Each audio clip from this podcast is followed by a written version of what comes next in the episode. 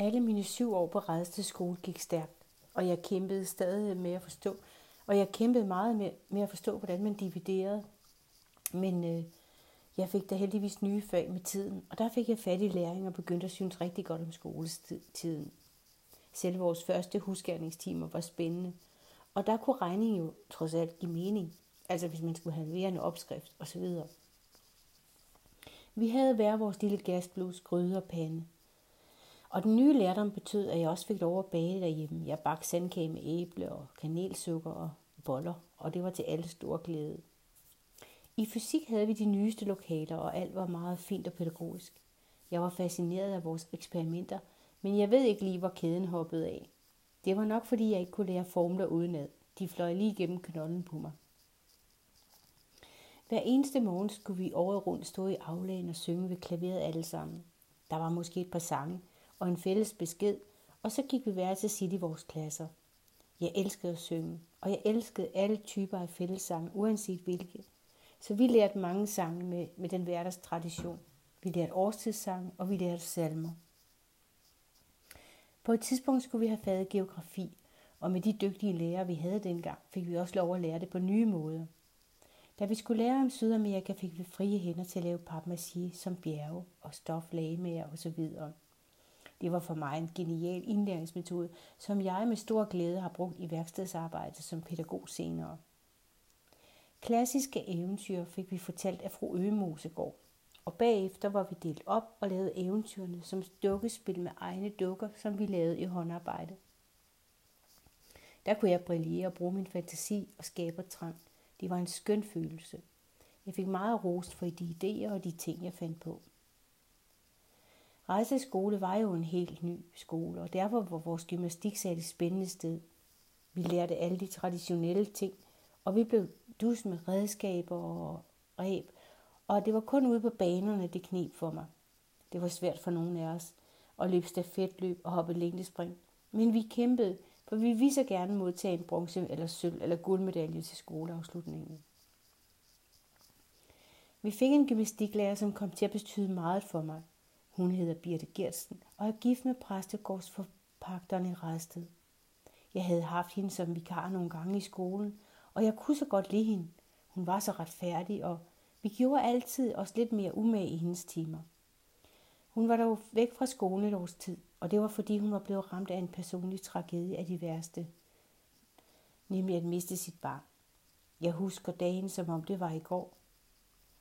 Det var en varm dag, jeg var cyklet op til brusen for at købe ind, og jeg havde godt hørt ambulancen sirener lidt tidligere. Oppe ved brusen var der lidt, lidt underligt. Jeg, jeg kan ikke forklare det, men, men jeg fornemmede noget tragisk, da jeg stillede cyklen, og jeg gik ind ad døren. Bruskonen var der ikke, som hun plejede, og brusmanden stod helt hvid i hovedet bag disken og bare kiggede lige frem. Der var ikke andre i butikken, og jeg kiggede spørgende på brusmanden. Er, er der sket noget? spurgte jeg forsigtigt men jeg fik ikke noget svar med det samme. Brugsmanden var helt mærkelig, og jeg vidste ikke, hvad jeg skulle svare. Men i det samme kom der en dame ind i butikken. Jeg kendte hende lidt, og så spurgte jeg hende, hvad, hvorfor er der en ambulance med udrykning? Og nu var det som om brugsmanden blev nærværende, og han lænede sig ind imod os nu, og, og nu fik jeg at vide, at min søde gymnastiklærerinde havde mistet sin elskede datter på cirka fem år. Hun var blevet kørt ned på langsvejen lige uden for deres hjem og døde med det samme. Jeg glemte, hvad jeg skulle købe. Alt. Jeg cyklede hurtigt hjem og kastede mig i favnen på Christine, fortalte og græd og græd. Det gjorde vi begge to. Det var en ufattelig tragedie i vores lille landsby, og vi kunne jo bare se, hvordan de to forældre blev mere og mere tynde og bare prøvede at passe deres arbejde hver især. Jeg ved, at fru Gertsen blev gravid igen, men jeg kan ikke huske, hvornår. Men vi skulle have hende som gymnastiklærer igen, og jeg glemmer det nu aldrig. Vi var alle sammen helt stille, og vi havde ondt i maven over at vide, hvilken sorg hun havde. Men hun havde måske brug for os i sovearbejdet, hvem ved. Måske var sådan en flok skolebørn med til at få livet i gang igen. Vi elskede hende i hvert fald, og med vores barnlige, stiltigende, usynlige medlidenhed og hjertevarme kom hun ind i gymnastiklivet igen. Hun begyndte også at undervise gymnastik efter skole, og jeg gik til det hver uge. Vi var dygtige, og vi lavede flotte opvisninger. Nogle gange var vi med i nogle andre sportshaller og vise vores hold. Da jeg var omkring 16 år, bankede det en dag på køkkendøren. Christine kaldte på mig. Vi var meget overrasket over, at fru Gertsen kom uventet hjem til os. Hun smilede og sagde, jeg vil gerne, at du bliver gymnastiklærer for Pusling i Rejsted Gymnastikforening. Jeg var mundlam. Jeg fattede slet ikke, hvad der skete. Ja, vi skal nok give dig nogle kurser. Du kan sagtens, det ved jeg. Mm. Jeg var stadig mundlam. Og jeg fik endelig spurgt, jamen, øh, tror du virkelig, jeg kan finde ud af det? Christine stod og fumlede med kaffen og fik også lyst til at sige noget. Nej, hvor er det spændende, fru Gersen. Vil du ikke have en kop kaffe og en bolle? Jeg fik i vide, hvilken dag jeg skulle have de små puslinge, og hvor lang tid det varede. Jeg ville også få et lille beløb for det, og fru Gertsen ville tage med de første gange og hjælpe mig med, hvordan man planlagde et forløb. Jeg lovede at tænke over det, men jeg var så høj af stolthed, og jeg var så beæret, at allerede havde sagt ja i tankerne. Da hun var gået, fik jeg et kæmpe kram af Christine, og hun fortalte mig igen og igen, hvor stolt hun var af mig. Du er nu sådan en god pige, Lene. Det her skal du nok klare. Nu har fru Gertsen set dine evner. Det er så dejligt.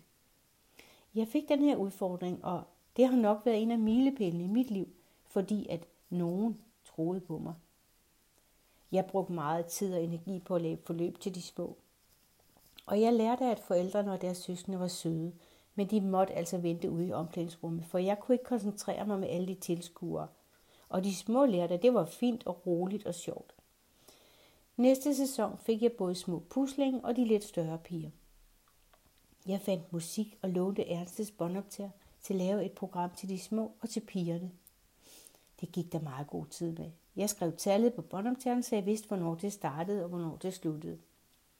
Den første gymnastikopvisning var en kæmpe succes for mig. Jeg brugte Mozarts symfoni nummer 40 til pigernes nummer på gulv og to balancebomme. Der blev stående klapsalver, og jeg havde aldrig prøvet noget lignende før. Efter opvisningen spurgte fru Gertsen, om jeg ville tage en uge på Gymnastikhøjskolen i Ollerup på Fyn næste sommer. Jeg sagde ja og var virkelig stolt. Men så viste det sig, at Jytte, min biologiske mor, havde planlagt, at, at Lotte skulle komme hjem fra sommerferie fra Grønland lige den uge. Så vi snakkede om det derhjemme, og Christine mente, at Lotte ville kede sig, hvis jeg ikke var hjemme. Så resultatet var, at jeg gik op og aflyste planen om gymnastikhøjskole på Fyn. Det var en stor fejl. Men på den anden side havde Lotte og jeg en sjov tid, mens hun var hjemme fra Grønland. Højskolemuligheden kom ikke igen lige med det samme. Men på en måde betød denne aflysning, at ønsket om at opleve højskole forblev i mit hjerte, og skæbnen ville, at jeg mange år senere bestilte mit første højskoleophold på Kunsthøjskolen i Frederikssund med mine to døtre i 14 dage. Og det var en livsændrende oplevelse af de bedste, og med tiden er det blevet til mange skønne sommerhøjskoleophold.